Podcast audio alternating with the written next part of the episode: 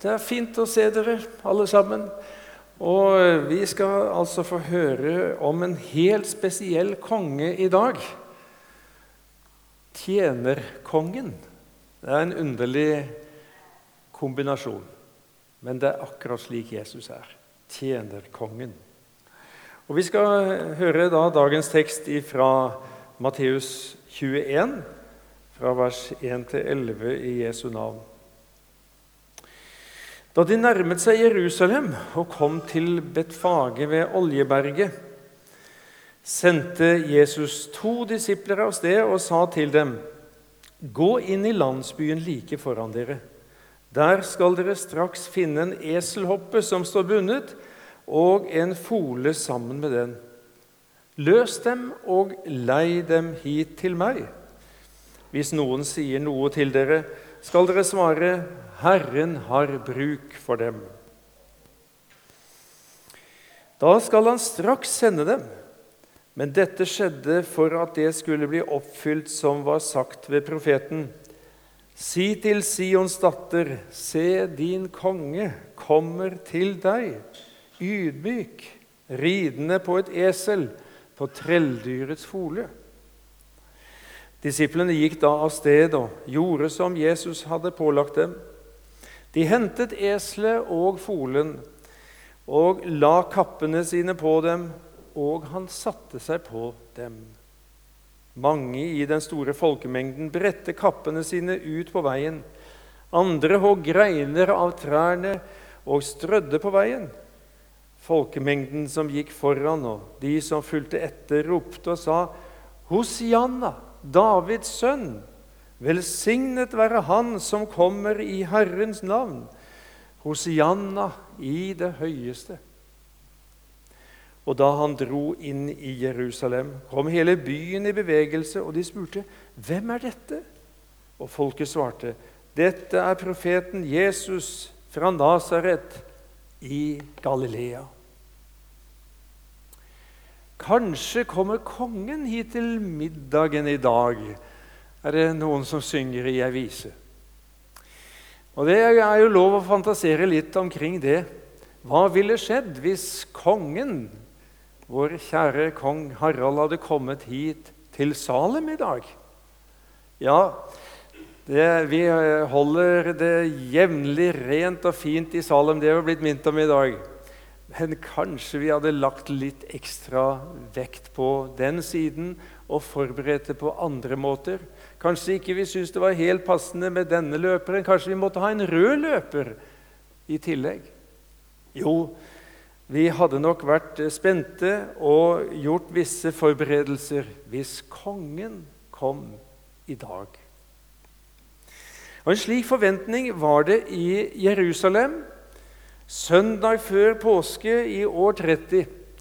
Ifølge Johannes evangeliet så heter det at jødenes påske var nær, og mange dro fra landet opp til Jerusalem før påsken for å rense seg. De lette da etter Jesus. Det var et nytt element den påsken. Og så talte de seg imellom mens de sto i tempelet. Hvem? Hva mener dere? kommer han ikke til høytiden. Det svirret rykter om hva Jesus hadde sagt og gjort, og ikke minst de fra Galilea. De hadde sett så uendelig mye stort som Jesus hadde gjort, og hørt hans undervisning og latt seg imponere. Det skapte forventninger. Og på veien opp til Jerusalem fordi Vi sier det fordi at Jerusalem lå Eh, og ligger fortsatt på eh, en, en høyde, eh, et fjell, ca. 800 meter over havet. Og På den veien opp til Jerusalem så gikk Jesus via Jeriko, som ligger ca. 400 meter under havnivået. Og Der hadde han møtt to blinde som hadde ropt til han, 'Herre, du Davids sønn, miskunn deg over oss.' Og Jesus han ble grepet av medynk, forteller Matteus i kapittelet foran. Han hadde åpnet øynene, rørt ved øynene deres, og straks så fikk de sitt syn igjen, og de fulgte ham. Ja, Kanskje de fulgte han helt opp til Jerusalem sammen med andre folk. For det står i den forbindelse at eh, da de dro ut fra Jeriko, så fulgte mye folk ham. Så kommer altså ikke Jesus helt alene. Det var liksom en elektrisk spenning i lufta i Jerusalem. Vil det bli det store gjennombruddet for Messias, frelserkongen, som de ventet på mange på denne tiden? Det er eh, sterke Messias-forventninger i folket, skjønner vi. Det ser vi av eh, minst fire eh, elementer i teksten vår. For det første så bredte de kappene sine ut på veien. Og det var bare slik de gjorde mot prominente gjester og, og folk, slik som konger og hærførere. Det tilsvarer altså dagens eh, røde løper. Og For det andre så strødde de greiner på veien der Jesus skulle gå fram. Og eh, disse greinene det var ifølge Johannes eh, palmegreiner. Og palmegreiner det var et seierssymbol på denne tiden som ble brukt av konger og feltherrer når de kom triumferende hjem fra slagmarken. Ja, Det ble også brukt som et nasjonalsymbol for jødene etter gjeninnvielsen av tempelet i år 164 før Kristus. Da ble tempelet renset etter at det var blitt misbrukt til avgudsdyrkelse. Og Derfor så har altså disse palmegrenene de har en tilsvarende funksjon som, som flagget vårt, kan vi si. Og For det tredje så siterte de fra en Messias-salme, fra Salme 118, som ble brukt eh, både eh, på sederaften, altså den kvelden de spiste påskemåltidet, til minne om utfrielsen fra Egypt, og Denne salmen ble også brukt eh, i forbindelse med løvhyttefesten, som var en minnefest om hvordan Gud hadde bevart dem gjennom ørkenvandringen. Guds store inngrep. Og Det siteres da litt fritt fra denne salmen i vers 9. Hosianna, Davids sønn, velsignet være Han som kommer i Herrens navn. Hosianna i det høye høyeste. Hosianna, Hoshiana, som det heter på hebraisk, det betyr noe sånt som 'Herre, frels'. Eller altså 'frels meg'. Samtidig som det er et hyllingsrop som eh, eh, gir uttrykk for at det er nettopp i denne personen frelsen er til stede. For det fjerde så brukes det en eh, Messias-tittel her og to i uttrykket 'Han som kommer'. Han som kommer i Herrens navn. Det var også brukt om Messias. I forventningen om han skulle det komme en som skulle befri ifra undertrykkelse og innlede en ny glanstid for Israel. Ja, slik levde forventningene. Og Det samme ligger i begrepet Davids sønn. Det skulle komme en konge som skulle innta Davids trone og Davids rike til evig tid. Men det var jo en veldig sprengkraft i disse ordene. Det var omtrent som å gå i 17. mai-tog under siste krig her i Norge. Det ville jo provosere både Herodes og Pilatus og ja, ypperstepresten også fordi de jo ikke aksepterte Jesus som konge og Jesus som Messias. Men Jesus var Messias. Jesus var konge, om enn på en annen måte enn de trodde. Han kom ikke på en elegant hvit hest, slik som det var vanlig at konger og hærførere på denne tiden kom ridende. Nei, han kom på et esel. Et esel. Der satte han seg på dette arbeidsdyret som ble brukt på den tiden som en traktor eller lastebil. Det ble fraktet både varer og folk på eselet. Det var så greit, for det kunne komme fram på smale stier. Og, og eh, der ikke eselet kom fram, der var det ikke så mye en kunne få gjort. Og de ja, det ble kalt til og med trelldyr. De tre første evangeliene de beskriver nokså nøye hvordan Jesus fikk tak i dette eselet. Og Matteus er den eneste som eh, nevner at det både var en eselhoppe og en fole. Altså det var mor og barn, for å si det sånn. Og eh, kanskje det er et uttrykk for eh, en detalj om eh, barmhjertighet. For dette følget det hadde ingen sittet på før. Det var helt utemmet, helt nytt, helt ferskt. Ingen last hadde blitt lagt på dette, dette eselet, dette følget før. Og så skulle det plutselig bære en mann, en voksen mann. Og ikke en hvilken som helst mann heller. Kanskje det var et signal om Guds barmhjertighet at eselet, følget, fikk lov til å ha mora med seg. Men det var folen som var det sentrale. Det var folen Jesus satte seg på. Og det i seg sjøl er jo et under. At dette følget, som antageligvis måtte vanligvis temmes slik som heste, et hestefølg må, oppfører seg helt eksemplarisk i lydighet mot sin skaper og herre.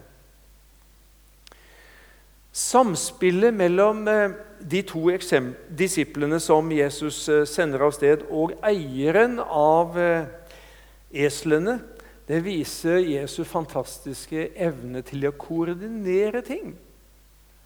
Er det ikke underlig? Her skal dere gå inn i Betfage. Det var altså en liten landsby mellom Betania og Jerusalem. Og så, Hvis det blir noen eh, protester, så skal jeg bare si enkelt Herren har bruk for det. Det var stikkordet, det var passordet. Og så skulle han straks sende dem. Det var tydelig han som eide disse eslene, var en av Jesu disipler i litt videre betydning. Ifølge Markus og Lukas så skjedde det akkurat som Jesus sa. Eieren lurte på hvorfor de løste eslene, men lot det skje da disiplene sa, 'Herren har bruk for dem'. Herren har bruk for dem. Hva svarer du? Og tar vi et lite hopp fra år 30 til 2013. Hva svarer du? Hvis eh, det lyder som et stikkord i en gitt situasjon i ditt liv Herren har bruk for dem. Enten det, det kan gjelde pengene dine, det kan gjelde bilene eller bilene, jeg vet ikke, siden det var dem. Og det kan være tiden, timene dine som du har fått til rådighet. Det kan være så mange ting. Og så kommer det et signal til deg videre formidlet ifra Herren selv Herren har bruk for dem. Det som du ser på som ditt, det tilhører Han. Og så har Han bruk for det som du har. Ja, jeg håper du har samme innstilling, og jeg med har samme innstilling som denne disippelen av Jesus. Straks lot han dem gå. Det var ikke liksom noe om og men. Ja, er du så sikker på det? Kan du bevise det, at du går eh, æren for Jesus, Messias? Nei, straks lot han det skje. Jesus skulle altså ikke bare ri på et esel, men på et esel, en eselfole. Og Dette var i samsvar med profetien om Messias i Zakaria 9. Si til Sions datter, slik gjengir eh, Matteus det. Se, din konge kommer til deg, ydmyk, ridende på et esel, på trelldyrets fole. Slik skulle han komme fra Betfage, opp over Oljeberget, ned til Kedrondalen, og så er det litt oppoverbakke igjen, inn i Jerusalem. Det er ja, Det er vel ca. tre uker siden jeg gikk akkurat den løypa. Ikke fra Betfage og Betania denne gangen, men altså, jeg har jo vært der tidligere. Men nå fra Oljeberget ned til Kedrondalen, inn i Jerusalem. Der gikk veien på eselfolen. Og hvorfor? Ja, vi sang om det her. Hvorfor valgte du en eselfole, Jesus? Du kunne i det minste valgt en hest. Ja, sånn kan vi tenke.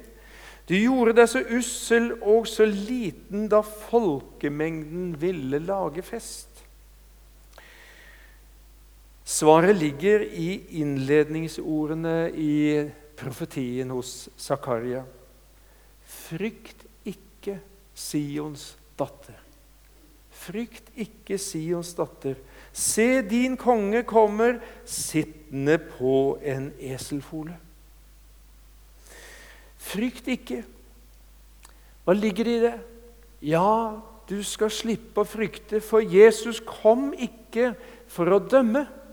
Verken Sions datter, altså Israel, eh, og de som ventet på han, eller verden som helhet, heller ikke deg og meg. Men han kom for å frelse. Rettferdig er han og full av frelse, står det i profeten Zakaria. Full av frelse. Det er liksom det som preger Jesus når han kommer første gang. Han kom ikke for å kreve noe av oss, men han kom for å tjene oss. Det var derfor han kom sittende på en eselfole. Jesu tjenerinnstilling kommer så tydelig til uttrykk overfor de to blinde i Jeriko som han nettopp hadde helbredet. Husker du hva han spurte dem om? Hva vil dere at jeg skal gjøre for dere? Ja, sånn er Jesus. Hva vil dere at jeg skal gjøre for dere? Som Guds sønn så hadde han hatt all mulig rett til å forlange at vi skulle tjene ham. Det håper jeg vi fort blir enige om. Det er han som er skaperen. Vi er skaperverket, en del av det.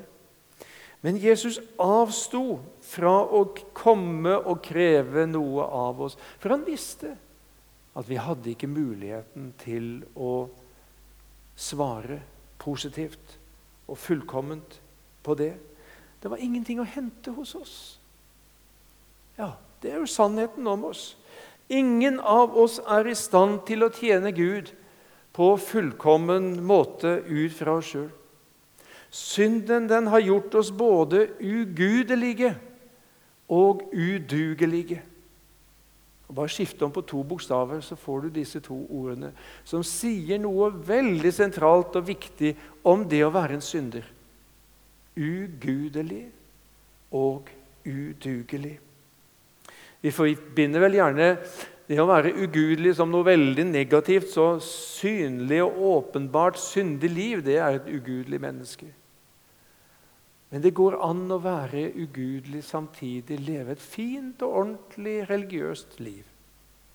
For det å være ugudelig, det er å stå imot Gud i sitt hjertets innerste.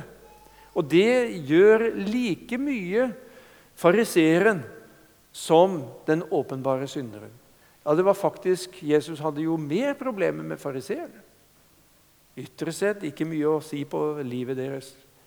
Men i hjertet sitt var de ugudelige, altså mot Gud. Og det kjenner vel både du og jeg på, gjør vi ikke det? Skremmende ofte så kjenner jeg på at det er noe i meg som står imot Gud og Hans ord. Enda det er jobben min å lese i Bibelen og undervise andre, så har jeg denne naturen i meg, også som kristen. Og det har du òg. Ugudelig. Noe som står Gud imot.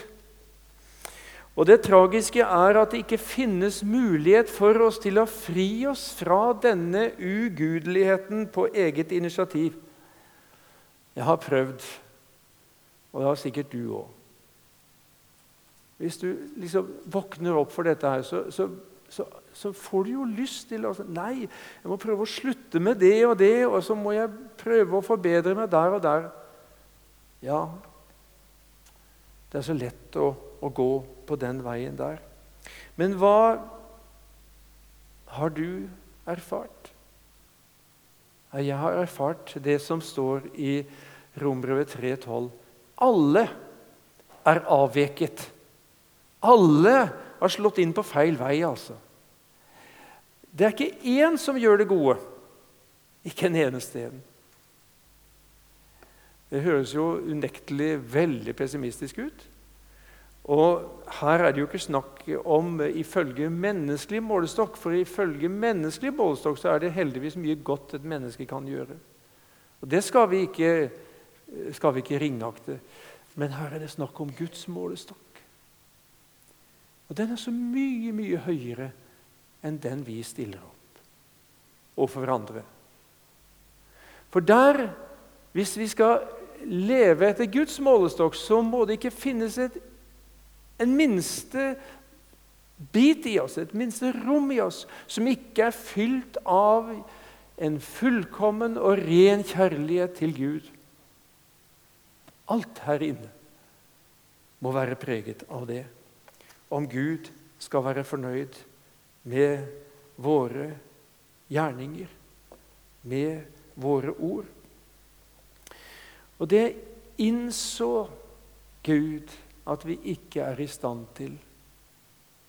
Og derfor sendte han sin egen sønn Jesus Kristus inn i vår livssituasjon for å tjene oss med å tjene Gud på en fullkommen måte. Med å elske Gud på en fullkommen måte. Med å leve etter Guds bud på en fullkommen måte. Ja, Det står om Jesus at han er lovens endemål, lovets oppfyllelse. Fullt og helt. Ingenting galt gjorde Jesus. Ikke engang i tankene sine, ikke i motivene sine.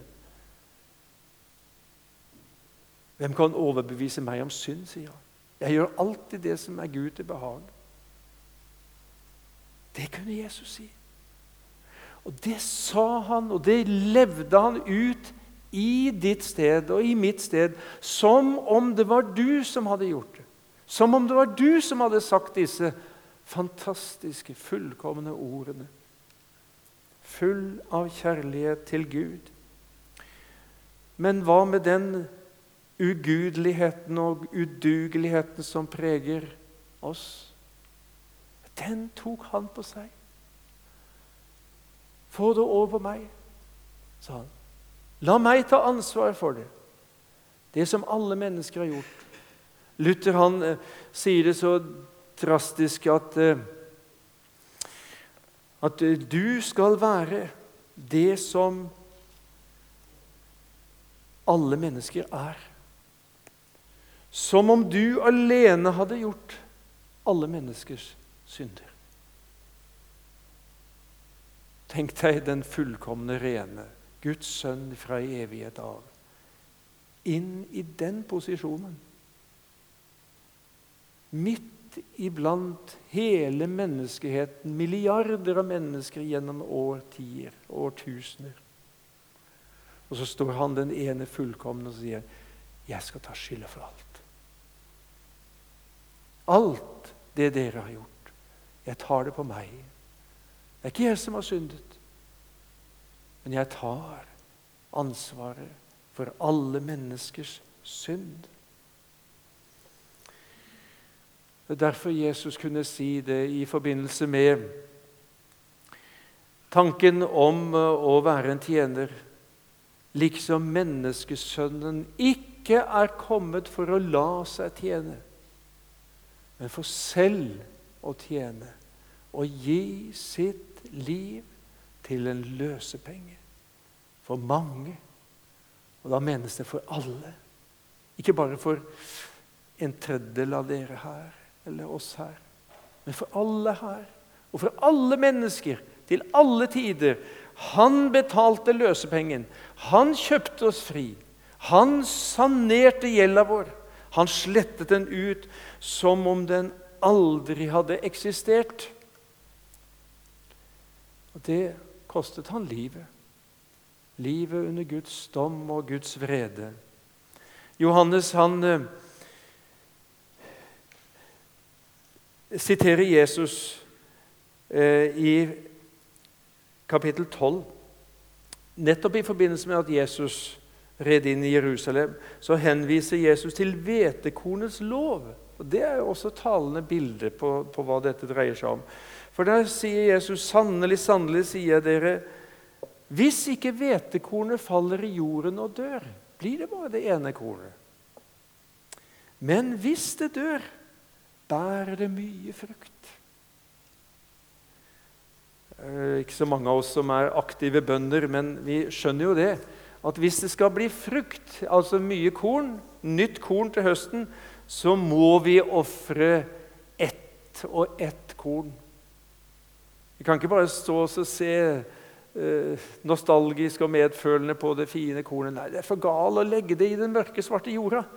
Vi får spare det. Ja, da sitter du igjen med bare det ene kornet, da. Men hvis du ofrer det ene kornet, sørger for at det kommer i den våte, gode, gjødsla jorda, så kan du forvente til høsten mangedobbelt igjen. Og sånn sier Jesus. Sånn er det. Når jeg gir livet mitt for alle, så blir det til liv og frelse for alle. Ja, det er for alle, men det er bare de som tar imot det, som får del i det. For eh, det er jo et, et tydelig brudd eh, i bildet her mellom hvetekornet og Jesus. For eh, hvetekornet det råtner jo opp og forsvinner, det, så det, det blir borte vekk. Men Jesus fordi han var uten synd og skyld i seg sjøl, så kunne ikke døden holde på han. Han måtte stå opp igjen fra de døde. Og det gjorde han allerede på den tredje dag. Og like som Jesus ikke bare døde for oss, men sto opp igjen for oss, så er det evige livet tilgjengelig i Han. I Jesus. Derfor kunne Jesus si det i forbindelse med at han skulle vekke opp Lasarus og demonstrere sin oppstandelseskraft, så kunne han si det. 'Jeg er oppstandelsen og livet'. Den som tror på meg, skal aldri evighet dø. Og hver den som lever og tror på meg, han skal aldri dø. Jo, slik kunne Jesus si fordi han er oppstandelsen og livet. Det er denne herligheten Jesus vil vise oss i dag. Vise deg. Derfor kom han som tjeneren. Derfor kom han for å være din frelserkonge, din tjenerkonge.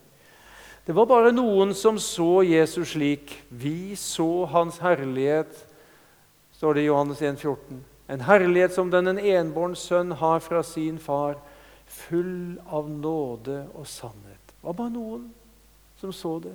Og Slik er det også i dag. Det er bare noen som ser denne herligheten til Jesus. De, ja, noen ser Jesus som et snilt menneske, og nå er i, i forbindelse med jula så blir det jo veldig sentimentalt med dette barnet som ble født i en krybbe. Jo, av noen de forakter Jesus også. Vi vet det. det var, jeg hørte for noen år siden eh, en på radio som, som, mente at den eh, største ulykken som hadde rammet landet vårt, det var kristendommen hadde kommet hit og, og, og skjøvet bort eh, norrøne guder. Ja, det er noen av de òg. Men når Gud ved sin ånd får åpenbare for deg hva Jesus har gjort for deg, da ser du hans herlighet. Da blir det så om å gjøre for deg å prise Han og hylle Han og rope til Han Hosianna. Herre Jesus, frels, og i deg er frelsen. Det står i eh, Hebrebrevet 2,9.: Jesus, ham ser vi, kronet med herlighet og ære fordi han led døden for at han ved Guds nåde skulle smake døden for alle. Og Det er, får jeg lov til å gjøre til mitt vitnesbyrd også. Ja, ved Guds nåde, ved Guds ånd, så kan jeg si det. Jesus, han ser jeg kronet med herlighet og ære. Fordi han led døden for meg, altså. For at han ved Guds nåde skulle smake døden for meg. Er det din bekjennelse om Jesus? Ditt vitnesbyrd om han?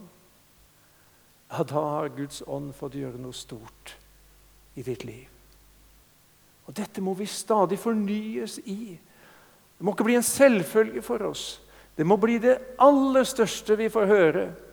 Det må være det som blir fundamentet for hele vårt kristenliv, for all vår tjeneste i Guds rike. For uh, uten Jesus, ja, da vil vi ikke være i stand til å ta imot ham som vår konge. Når han en gang skal komme igjen, da skal han ikke komme på eselet. Men da skal han komme på en hvit hest, står det.